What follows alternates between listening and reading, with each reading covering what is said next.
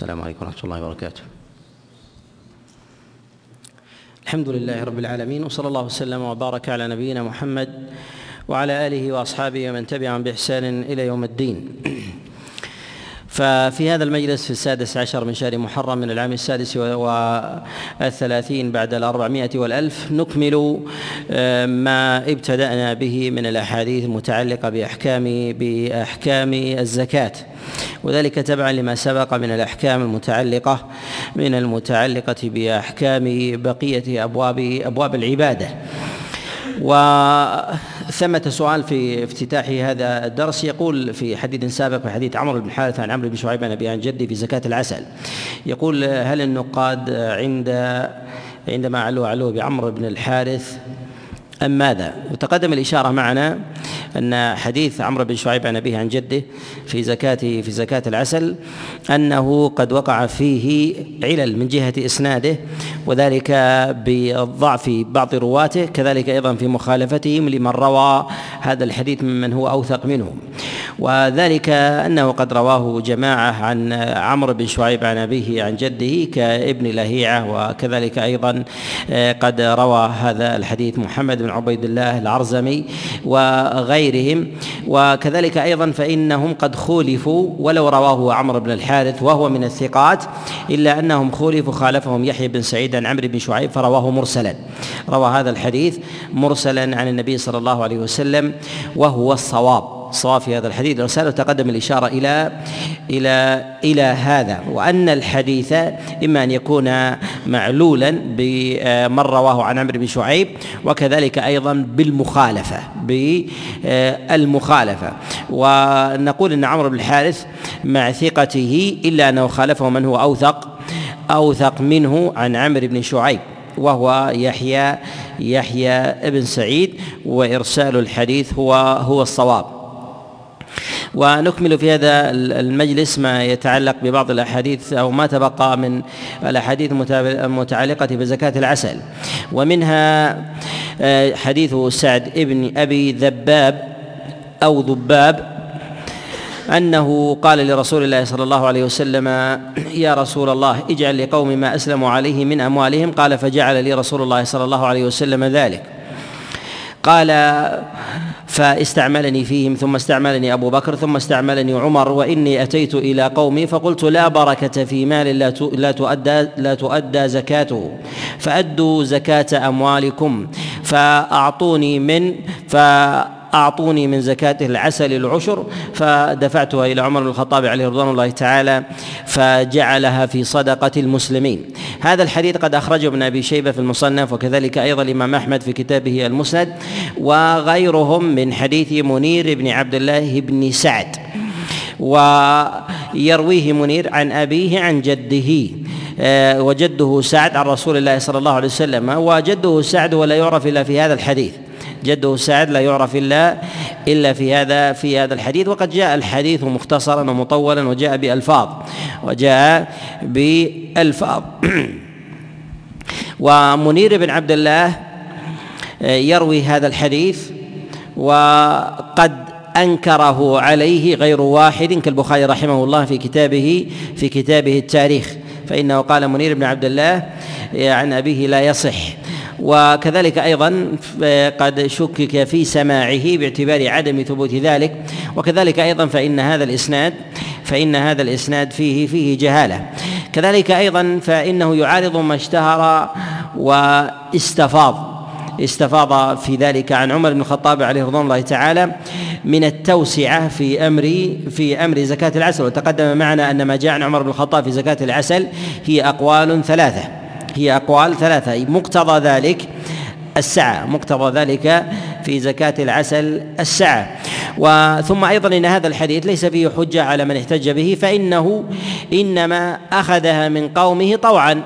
إنما اخذ من قومه طوعا والمبادرة بالصدقة والزكاة والنفقة شيء وإخراجها وإخراجها وأخذ العمال لها مسألة أخرى وهي مسألة مسألة أخرى فإن نفق من أراد أن يخرج آه، من ماله ما شاء آه، مما شاء سواء كان من الأموال الزكوية أو غير الزكوية فالأمر في ذلك فالأمر في ذلك في ذلك سعة. ولا يدرج هذا في أبواب الإلزام ولا يدرج هذا في أبواب الإلزام والوجوب. الحديث الثاني وحديث معاذ ابن جبل عليه رضوان الله تعالى أن رسول الله صلى الله عليه وسلم قال خذوا الحب من الحب والشاة من الغنم والبعير من الإبل والبقر من البقر. هذا الحديث أخرجه أبو داود بن ماجه في كتابه السنن من حديث عطاء بن أبي رباح عن معاذ بن جبل عن رسول الله صلى الله عليه وسلم أنه لما بعثه إلى اليمن فقال خذوا الحب من الحب والشاة من الغنم والبعير من الإبل والبقر من البقر. وهو من هذا الطريق من حديث عطاء عن معاذ عن معاذ بن جبل عليه رضوان الله تعالى. والمراد بمعناه في هذا الحديث في هذا الحديث هو أن يؤخذ من جنس المال المزكى أن يؤخذ من جنس المال المزكى. وهنا ثمة خلاف في هذه المسألة عند الفقهاء ولكن نريد الكلام فيها على سبيل الاختصار بعد الكلام على علة هذا الحديث.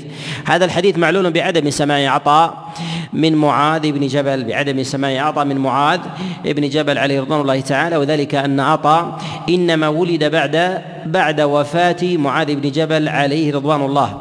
وذلك أنه توفي في العام الثامن عشر من الهجرة. في طاعون عمواس وأما بالنسبة لعطاء فإنه قد ولد بعد ذلك بعام فهو لم يدركه ادراكا فضلا عن سماعه عن سماعه منه. وهنا في المعنى في هذا الحديث في قوله خذوا الحب من الحب والبعير من الإبل والشاة من الغنم والبقرة من والبقرة من البقر. المراد بذلك أنه يؤخذ من جنسه. وقد نشأ عن هذه المسألة خلاف في الخلاف في صحة هذا الحديث من عدمه وهو إذا وجب على الإنسان من زكاة إبله من جنسها ومعلوم أن الإبل يجب عليها تارة من الغنم شاة كالخمس وتارة يجب عليها من جنسها من جنسها من الإبل. فإذا أراد الإنسان أن يخرج قيمة ما وجب عليه في زكاته ما وجب عليه في زكاته من غير جنسها بقيمتها أو أفضل منها كأن يخرج آه، عن خمس من الإبل بقرة أو يخرج شاة أو يخرج من الإبل آه، ناقة بدل الشاة فهذا لا شك أنه أنفس. وإذا أخرج بدل الناقة التي تجب عليه ما يوازيها من الشياة ما يوازيها من الشياة. فهل يجب عليه حينئذ فهل يجب فهل يجزي عنه ذلك أم لا بد من الأخذ من من الأخذ من جنسها هذه المسألة مما يتفرع القول فيها في هذا في هذا الحديث ما يتفرع فيها القول في هذا في هذا الحديث. والأصل أن الشريعة إنما جاءت جاءت بعدم الإضرار بعدم الإضرار في المنفق وصاحب المال حتى لا يجحف به يعني ألا يؤخذ من كريم ماله فيقال أنه يؤخذ من يسير آه، مما تيسر من ماله. إذا وجد وإذا لم يوجد فنقول إنه في ذلك على على أحوال ثلاثة على أحوال ثلاثة. الحالة الأولى أن يعطي أنفس مما وجب عليه ولو من غير جنسه فإن هذا ظواهر النص تدل على جوازه إذا طابت نفسه نفسه به. وذلك كالذي يخرج مثلا آه، من آه، مما وجب عليه مثلا في زكاته شاة فأراد أن يخرج أن يخرج بعيرا. فهذا يؤخذ منه لأنه أحظ للفقير مما لا خلاف مما لا خلاف فيه. وأما الحالة الثانية أن يخرج ما دونه فهذا لا يجوز بالاتفاق. فهذا لا يجوز بالاتفاق. والحالة الثالثة أن يخرج قدرا مساويا مساويا منه فهل هذا يجزئ أو لا يجزئ؟ وهل الشريعة قيدت ذلك بذلك التقييد آه، بهذا الحديث أم الأمر في ذلك على السعة الأمر في هذا آه، على السعة فهل وهل يجوز ذلك؟ الأظهر الأظهر جوازه. الأظهر جوازه. لماذا الأظهر جوازه؟ لأن الشريعة قد جعلت من زكاة الإبل غنما. جعلت من زكاة الإبل غنما. من جهة أصلها في ابتدائها تبدأ بالغنم. فيجوز حينئذ أن يخرج الإنسان زكاته زكاة ماله بغير بغير جنسها. فإذا زاد في ذلك تبعا للأصل إذا كان أنفس مما يجب عليه إذا كان أنفس مما يجب مما يجب عليه. وأما إذا تساوى فأما إذا تساوى فالأفضل بلا خلاف أنه إذا وجد من ماله أن يخرجه من جنس ما وجب عليه فيه. ما وجب عليه فيه وذلك كالغنم فإن الغنم زكاتها من جنسها لا يخرج فيها بقرة ولا يخرج فيها من من الإبل من الإبل. كذلك أيضا كذلك أيضا بالنسبة للبقر. أما بالنسبة للإبل فإنه يجب فيها يجب فيها من الغنم في ابتدائها ثم يكون ذلك من الإبل. وأما في الخلاف إذا أراد أن يخرج ما هو أنفس إذا وجب عليه مسنة فأراد أن يخرج أن يخرج بعيرا أنفس منه. فنقول إذا كان في ذلك الأحظ للفقير فهو الأولى بالقول بالجواز. وإذا كان بالتساوي فالأفضل أن يخرج ما وجب عليه من جنس ماله مما دل عليه مما دل عليه الدليل. وهذه المسألة من الأمور السعة وإنما أوردنا الدليل هنا وبينا حكمه أن الأصل في ذلك أن الأصل في ذلك التيسير. أن الأصل في ذلك التيسير. وأن الشريعة حينما يسرت في أصل إخراج الزكاة فإنها تيسر فيما هو فيما هو أكثر منه في النصاب. فيما هو أكثر منه بالنصاب مما زاد مما زاد على مما زاد على ذلك. والسلف عليهم رحمة الله تعالى لهم كلام في ذلك وخلاف في ذلك وفرع من هذه المسألة. ولكن نقول الأولى الا يضر بصاحب المال ألا يطلب من ماله أنفس. كذلك أيضا لا يضر بالفقير فيؤخذ دون حقه فإن للغني حق. وللفقير حق. والنبي صلى الله عليه وسلم آه، بين خطورة التعدي على أموال الأغنياء بأخذ أنفس منها من غير طيب نفس منهم. ولهذا يقول النبي عليه الصلاة والسلام إياك وكرائم أموالهم. واتق دعوة المظلوم فإنه ليس بينه وبين الله حجاب. والمراد بذلك أن يأخذ شيئا من مالهم لا يريدون إخراجه ففي ذلك ظلم ظلم نهت عنه نهت عنه الشريعة نهت عنه الشريعة. الحديث الثالث وحديث جابر بن عبد الله عليه رضوان الله أن رسول الله صلى الله عليه وسلم نهى عن الخرص. وقال أرأيتم إذا هلك مال إذا هلك المال أيحب أحدكم أن يأكل مال أخيه بالباطل؟ هذا الحديث أخرجه الإمام أحمد في كتابه المسند من حديث من حديث الحسن عن ابن لهيعة عن أبي الزبير عن جابر بن عبد الله عن رسول الله صلى الله عليه وسلم. وهذا الحديث منكر معلول بإسناده وكذلك أيضا بمخالفته في متنه فإنه تفرد به عبد الله بن لهيعة آه، عن أبي الزبير عن جابر بن عبد الله. هذا من جهة علته الإسنادية.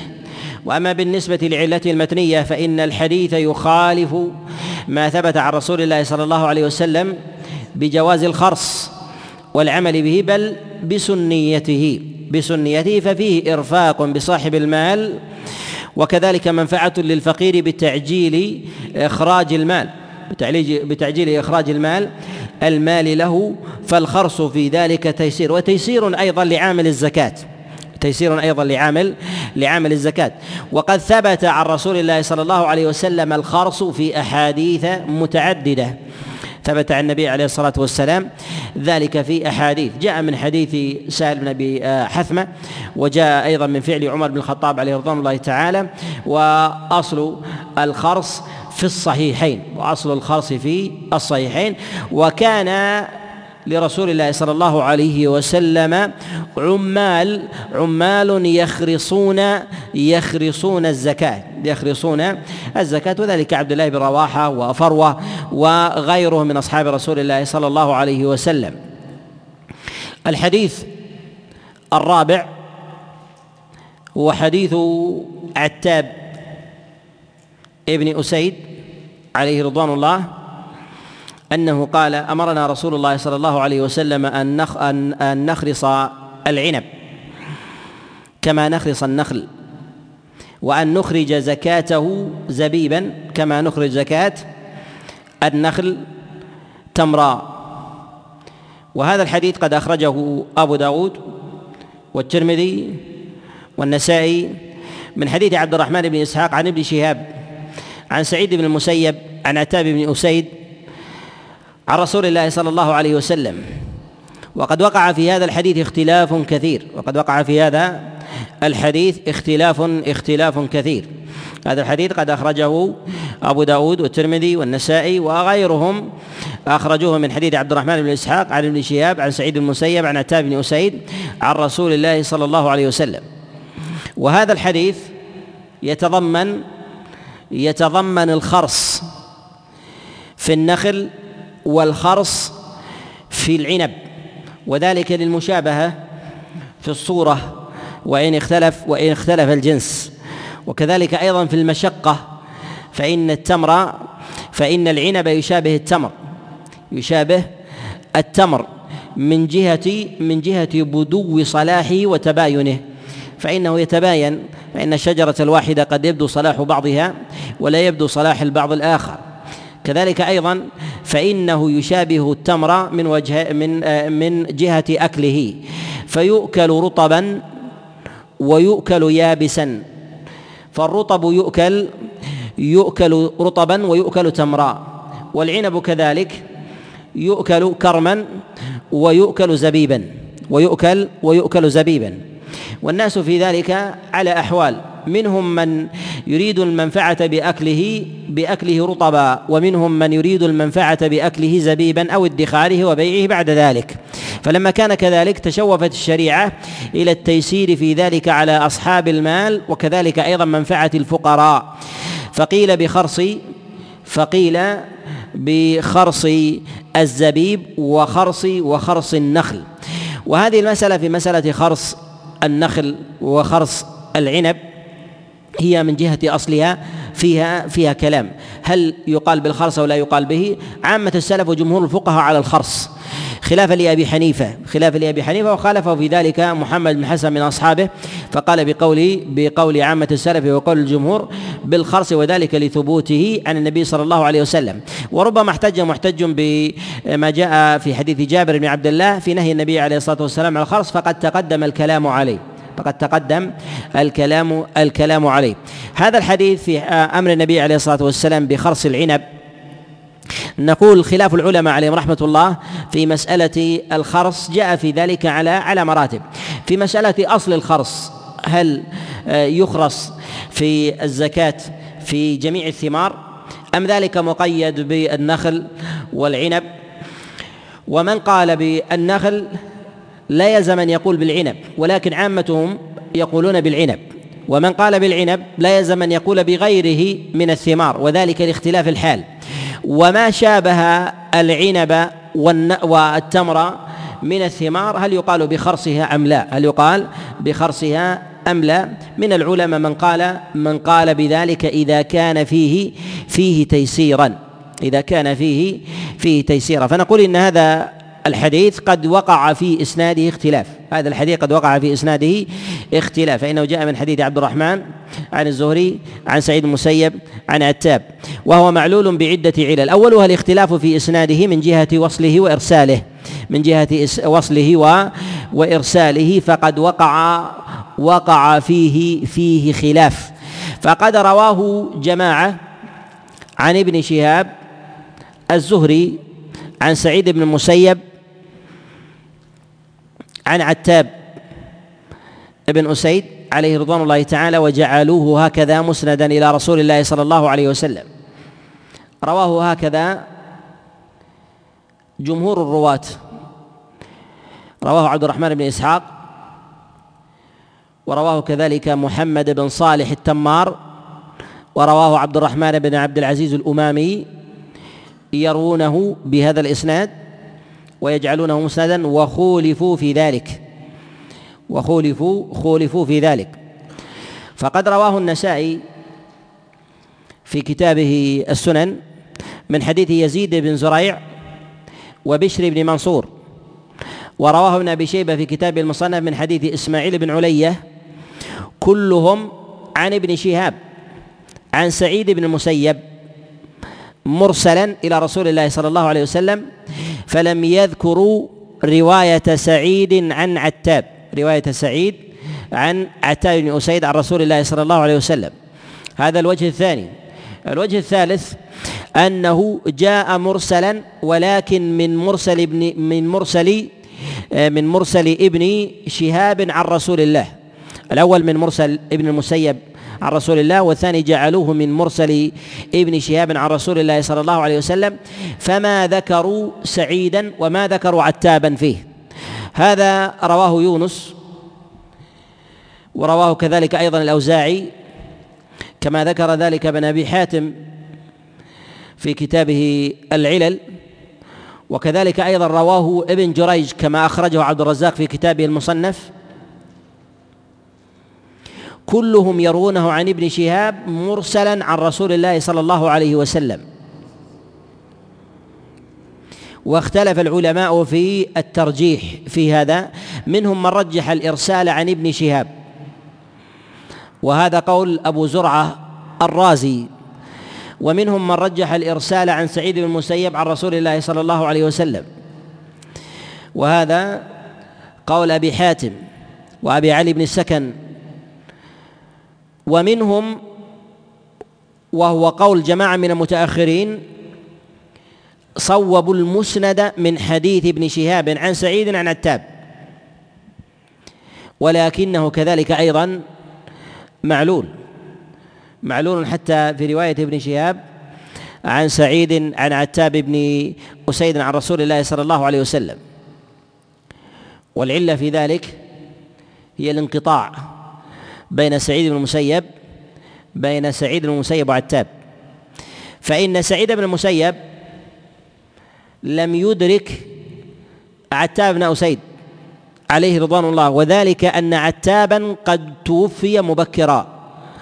فقد توفي في خلافة فقد توفي في آخر يوم من خلافة أبي بكر. وقيل إنه مات في اليوم الذي مات فيه أبو بكر الصديق عليه رضوان الله. وأما سعيد بن المسيب فإنه ولد لسنتين مضتا من خلافة من خلافة عمر بن الخطاب. كما روى الإمام أحمد رحمه الله عن سفيان عن يحيى بن سعيد قال سمعت سعيد بن المسيب يقول ولدت لسنتين مضتا من خلافة عمر بن الخطاب وأعلم الناس بولادته هو عليه رحمة الله.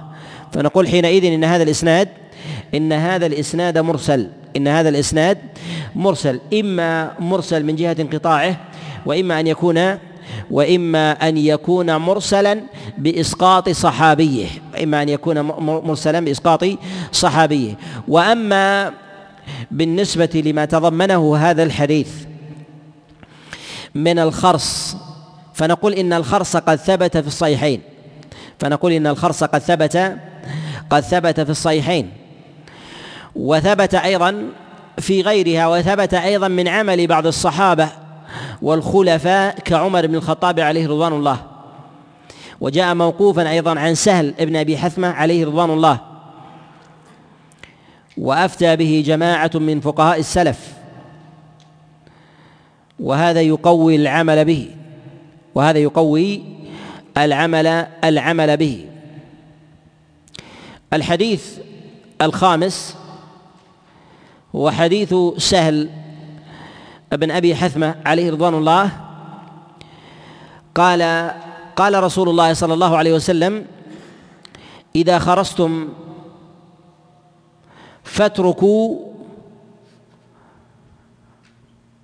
الثلث فإن لم تدعوا الثلث فدعوا الربع. هذا الحديث أخرجه الإمام أحمد وأبو داود والترمذي. وجماعة من حديث عبد الرحمن بن مسعود بن نيار عن سال. وهذا الحديث تكلم فيه بعض العلماء في حال عبد الرحمن بن مسعود بن نيار وذلك أنه مستور الحال. وقد قال غير واحد من العلماء أنه لا يعرف عن سهل إلا من هذا الحديث من رواية عبد الرحمن بن مسعود كما قال ذلك البزار رحمه الله في كتابه المسند. قال لا يعرف هذا الحديث إلا من حديث عبد الرحمن بن مسعود بن نيار. عن سهل. وبه أعله غير واحد من العلماء كابن القطان الفاسي رحمه الله. وذلك أن هذا الحديث فرد وغريب. ولكن من العلماء من قال من قال به وصح إسناده. وهو صنيع جماعة من الأئمة من المتأخرين. ولعل من القرائن التي حملتهم على حملتهم على تصحيحه أن هذا الحديث جاء من طريق شعبة بن الحجاج. جاء من طريق شعبة بن الحجاج عن خبيب عن عبد الرحمن بن مسعود بن نيار عن سهل. ولكن نقول إن عبد الرحمن بن مسعود بن نيار لا يعرف إلا في هذا الحديث. وليس له في الكتب الستة والمسند إلا هذا إلا هذا الحديث. ولم يروي إلا عن سهل. ولم يروي إلا إلا عن سهل. وحديثه هذا ضعيف. وحديثه هذا ضعيف. ولكن صح ذلك عن عمر. ولكن صح ذلك عن عمر. هذا الحديث يتضمن أن الخارص يدع الثلث أو الربع. فما المراد بمعناه من جهة ما يدع الإنسان من الثلث أو الربع؟ هو أن الخالص إذا جاء إذا جاء يخرص الثمر المزكى أن يخرج الزكاة ثم يدع ثلثها لأهلها. أن يدع الثلث لأهلها. وقيل المعنى آخر وهو يؤدي نفس المراد قالوا أن يدع ثلث الثمار أو ثلث الزرع فلا يخرصه. وذلك إذا كان النخل مثلا تسع أو أكثر من ذلك يأتي إلى الثلث ثم يدعه أو يدع الربع لا يقوم بخرصها وإنما يخرص ما دونها أو يخرص الجميع ويدع ثلث الزكاة أو ربع الزكاة. قال والعلة في ذلك أن الخرص أمر تقديري نظري ليس بدقيق والأولى الإرفاق بصاحب المال. ثم أيضا قال وفي ذلك علة أن المال إذا أن المال المخروص يختلف عن غيره لأنه يطرأ عليه فساد يطرأ عليه فساد. وذلك أن المال المخروص غالبا يكون من النخل وهو التمر ومن شجر العنب وهو الكرم وهذا يسقط منه ويفسد مع الوقت فيسقط من النخلة في الأرض. أو ربما تأتي الطيور وتريد أن تأكله طريا وهكذا فهذا فوت لصاحب المال فوت على صاحب المال. فربما تخرص الشيء اليوم ويسقط في الأرض ويفسد ويسقط في الأرض و ويفسد. فأنت قد خرصته قبل ذلك ثم ثم فسد على صاحبه. فجاء في الشريعة أن يترك من المال المخروص أو من الزكاة المخروصة قدر الثلث والربع. وهذا وإن لم يصح فيه حديث مرفوع لكنه جاء عن عمر بن الخطاب عليه رضوان الله تعالى أنه أمر الخارص أن يدع لأهل الثمر ما يأكلون وإسناده عنه صحيح. فإنه كان يبعث سلمى بحثم عليه رضوان الله تعالى ويأمر, ويأمر ويأمره أن يدع من مال من ما من المال المخروص قدر قدر ما يأكلون يعني ما يحتاجون إليه وما يحتاجون أيضا إلى إلى جيرانهم بالهدية أو العطية أو الصدقة ونحو ذلك وذلك جبرا للخلل الذي ربما يطرأ يطرأ على على الخرص. فهو صحيح عن عمر بن الخطاب عليه رضوان الله.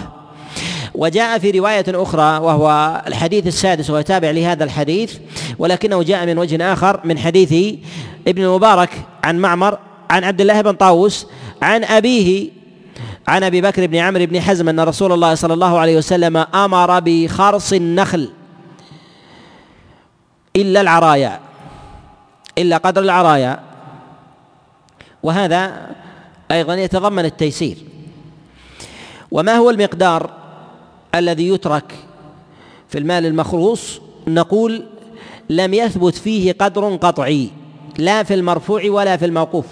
ولهذا في الأثر الوارد الصحيح عن عمر بن الخطاب أنه أمر بأن يترك أن يترك من المال قدر ما يأكلون والناس يتباينون في ذلك كثرة وقلة وكذلك حاجة فإن الأمر في ذلك يتباين ثم أيضا إنه في هذا الحديث في حديث سال عليه رضوان الله قال فدعوا الثلث. قال وإن لم تدعوا الثلث فدعوا الربع. إشارة إلى أن الأمر على التيسير. يعني ما تصالح عليه الناس ولكن لا ينقص عن الثلث حتى لا يجحف في حق الفقير. حتى لا يجحف في حق في حق الفقير. ولهذا نقول إن الخرص ثبت عن النبي صلى الله عليه وسلم وهو في الصحيحين وتقدم الإشارة إليه. أما خرص العنب فلم يثبت مرفوعا ولكنه يثبت يثبت بقول السلف والقياس لأن العنب مطابق للتمر من جهة حاله وصورته وأثره. وصفة انتفاع الناس صفة انتفاع الناس به. وكذلك أيضا في تركه هل يترك منه شيء أو لا يترك؟ وهذه المسألة أيضا خلافية ولهذا أوردنا الحديث وبيناه. وذلك أن العلماء قد اختلفوا في المال المخروص من الثمار. هل يترك منه شيء أو لا يترك منه شيء؟ المذهب وهو قول جماعة من السلف قول جمهورهم إلى أنه يترك منه شيء وعمل الخليفة الراشد. وذهب الشافعي رحمه الله وقال أبي حنيفة إلى أنه لا يترك شيء ويحسب بجميعه. يحسب بجميعه. والأظهر أنه يترك منه قدر ما يحتاجه أهله شريطة ألا ألا ينقص ذلك عن أو يزيد المتروك عن عن الثلث يزيد المتروك عن عن الثلث. وذلك إنه إن زاد عن الثلث فإن فيه إضرار في الفقير فإن فيه إضرار بالفقير. والشريعة إنما فرضت الزكاة لمصلحة الفقير قبل مصلحة الغني لمصلحة الفقير قبل مصلحة مصلحة الغني. ولأجل هذا والخلاف الوارد فيه أوردنا هذا الحديث وهو حديث سال عليه رضوان الله تعالى. الحديث السادس السابع. الحديث السابع هو حديث علي بن أبي طالب عليه رضوان الله أن رسول الله صلى الله عليه وسلم ذكر زكاة الورق فقال في كل أربعين درهما درهم في كل مئتين خمس دراهم. قال وما زاد فبحساب. هذا الحديث قد أخرجه الإمام أحمد وأبو داود والترمذي والنسائي من حديث أبي إسحاق السبيعي عن عاصم بن ضمرة عن علي بن أبي طالب عن رسول الله صلى الله عليه وسلم. وهذا الحديث قد وقع فيه اختلاف قد وقع في إسناده اختلاف. فتارة يروى من حديث أبي إسحاق عن عاصم بن ضمرة عن علي بن أبي طالب وتارة يروى من حديث عاصم من حديث أبي إسحاق عن الحارث الأعور عن علي بن أبي طالب. وتارة يروى مرفوعا إلى رسول الله وتارة يروى موقوفا على علي بن أبي طالب. وهذا الحديث قد رواه جمهور من رواه عن أبي إسحاق فجعلوه مرفوعا فجعلوه مرفوعا. رواه الأعمش وأبو عوانة جرير بن حازم وأبو معاوية وغيرهم يروونه عن أبي إسحاق عن عاصم بن ضمرة عن علي بن أبي طالب مرفوعا. ولكن قد روى هذا الحديث إمامان حافظان وشعبة بن الحجاج وسفيان الثوري عن أبي إسحاق عن عاصم بن ضمرة عن علي بن أبي طالب عليه رضوان الله من قوله. عن علي بن أبي طالب من قوله. والوقف أصح. والوقف أصح. أصح من من الرفع. وهذا الحديث جاء في رواية فما زاد فبحساب ذلك. فينتبه إلى هذه اللفظة. واللفظة هذه فيها معنى أن ما زاد عن نصاب الزكاة ولو كان كسورا ولو كان كسور أنه يؤخذ منه بمقداره. يعني إذا كانت الزكاة في الأربعين درهم في الأربعين درهم لكن لو كان واحد وأربعين اثنين وأربعين استطاع الإنسان أن يستخرج هل يأخذ من ذلك نصابا أم لا بد من المضاعفات؟ في المئتين خمسة مئتين وعشرة وعشرين أم لا بد أن يكون ذلك في في مضاعفاتها مئتين وأربعين أو مئتين وخمسين؟ نعم. في هذا الخبر في حديث علي قال فما زاد فبحساب ذلك. يعني كل زيادة يؤخذ منها. ولكن ما قبل ذلك هو جاء بهذا الضبط. جاء بهذا بهذا الضبط. أنه في كل أربعين درهم وفي كل مئتين خمسين خمسة. فما زاد فبحساب. وقد جاء حديثان في هذه المسألة. حديث في النهي عن أخذ الكسور والأخذ في مضاعفات العدد فيما جاء فيه الزكاة. والحديث الثاني بالأخذ بما زاد بحسابه. ما زاد فبحسابه هذه الزيادة في حديث علي بن أبي طالب عليه رضوان الله في قوله فما زاد فبحساب.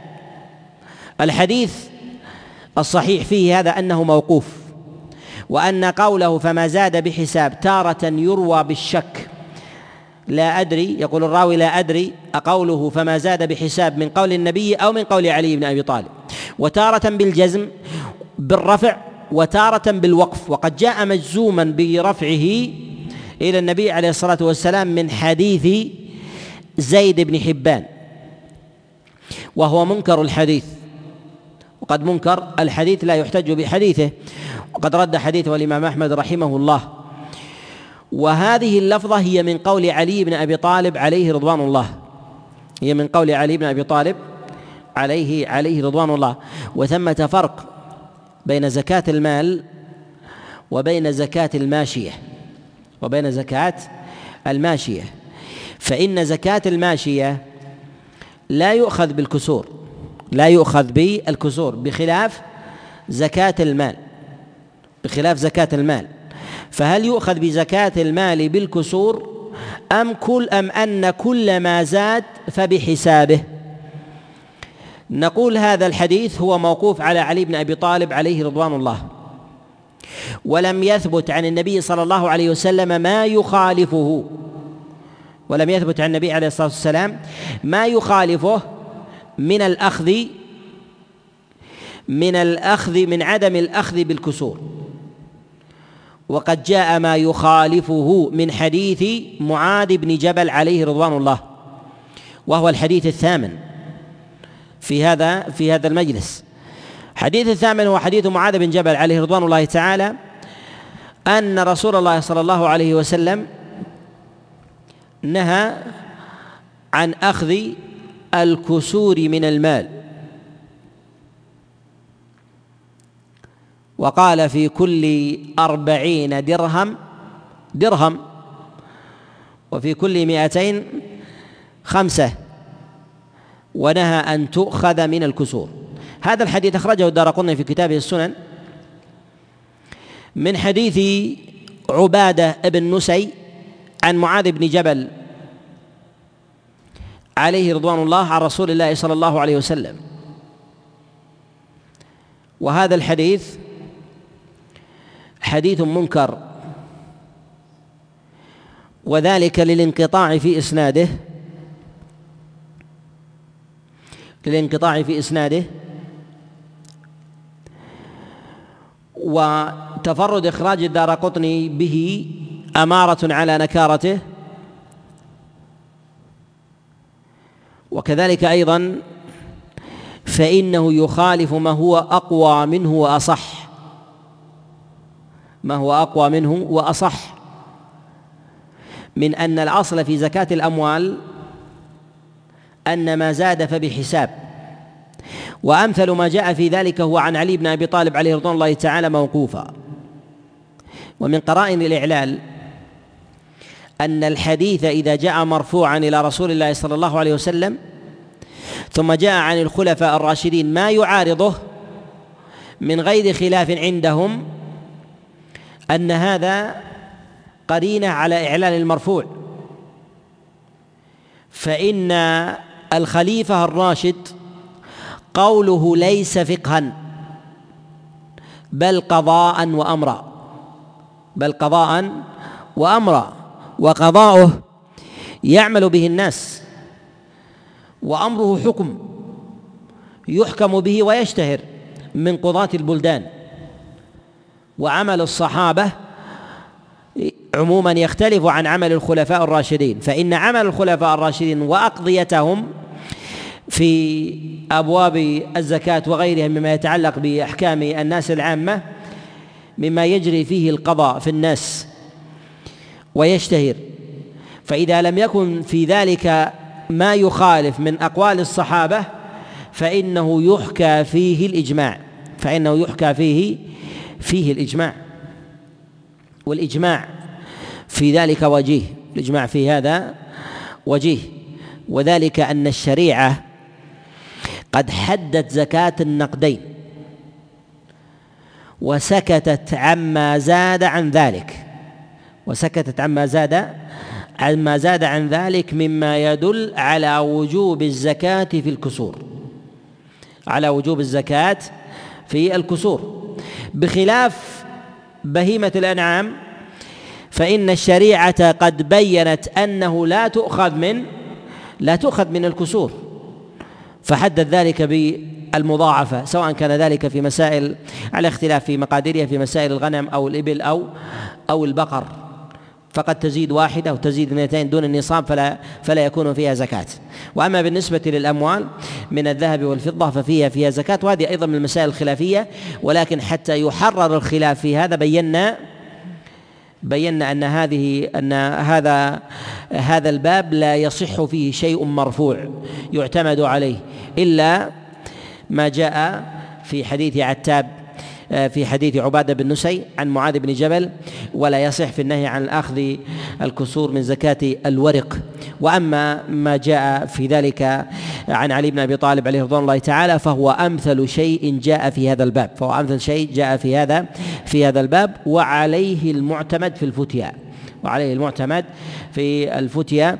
ونتوقف عند هذا الحد وبهذا القدر. وأسأل الله عز وجل لي ولكم التوفيق والسداد والإعانة وأسأله جل وعلا أن ينفعنا بما سمعنا وأن يجعله حجة لنا لا علينا إنه ولي ذلك والقادر عليه صلى الله وسلم وبارك على نبينا محمد.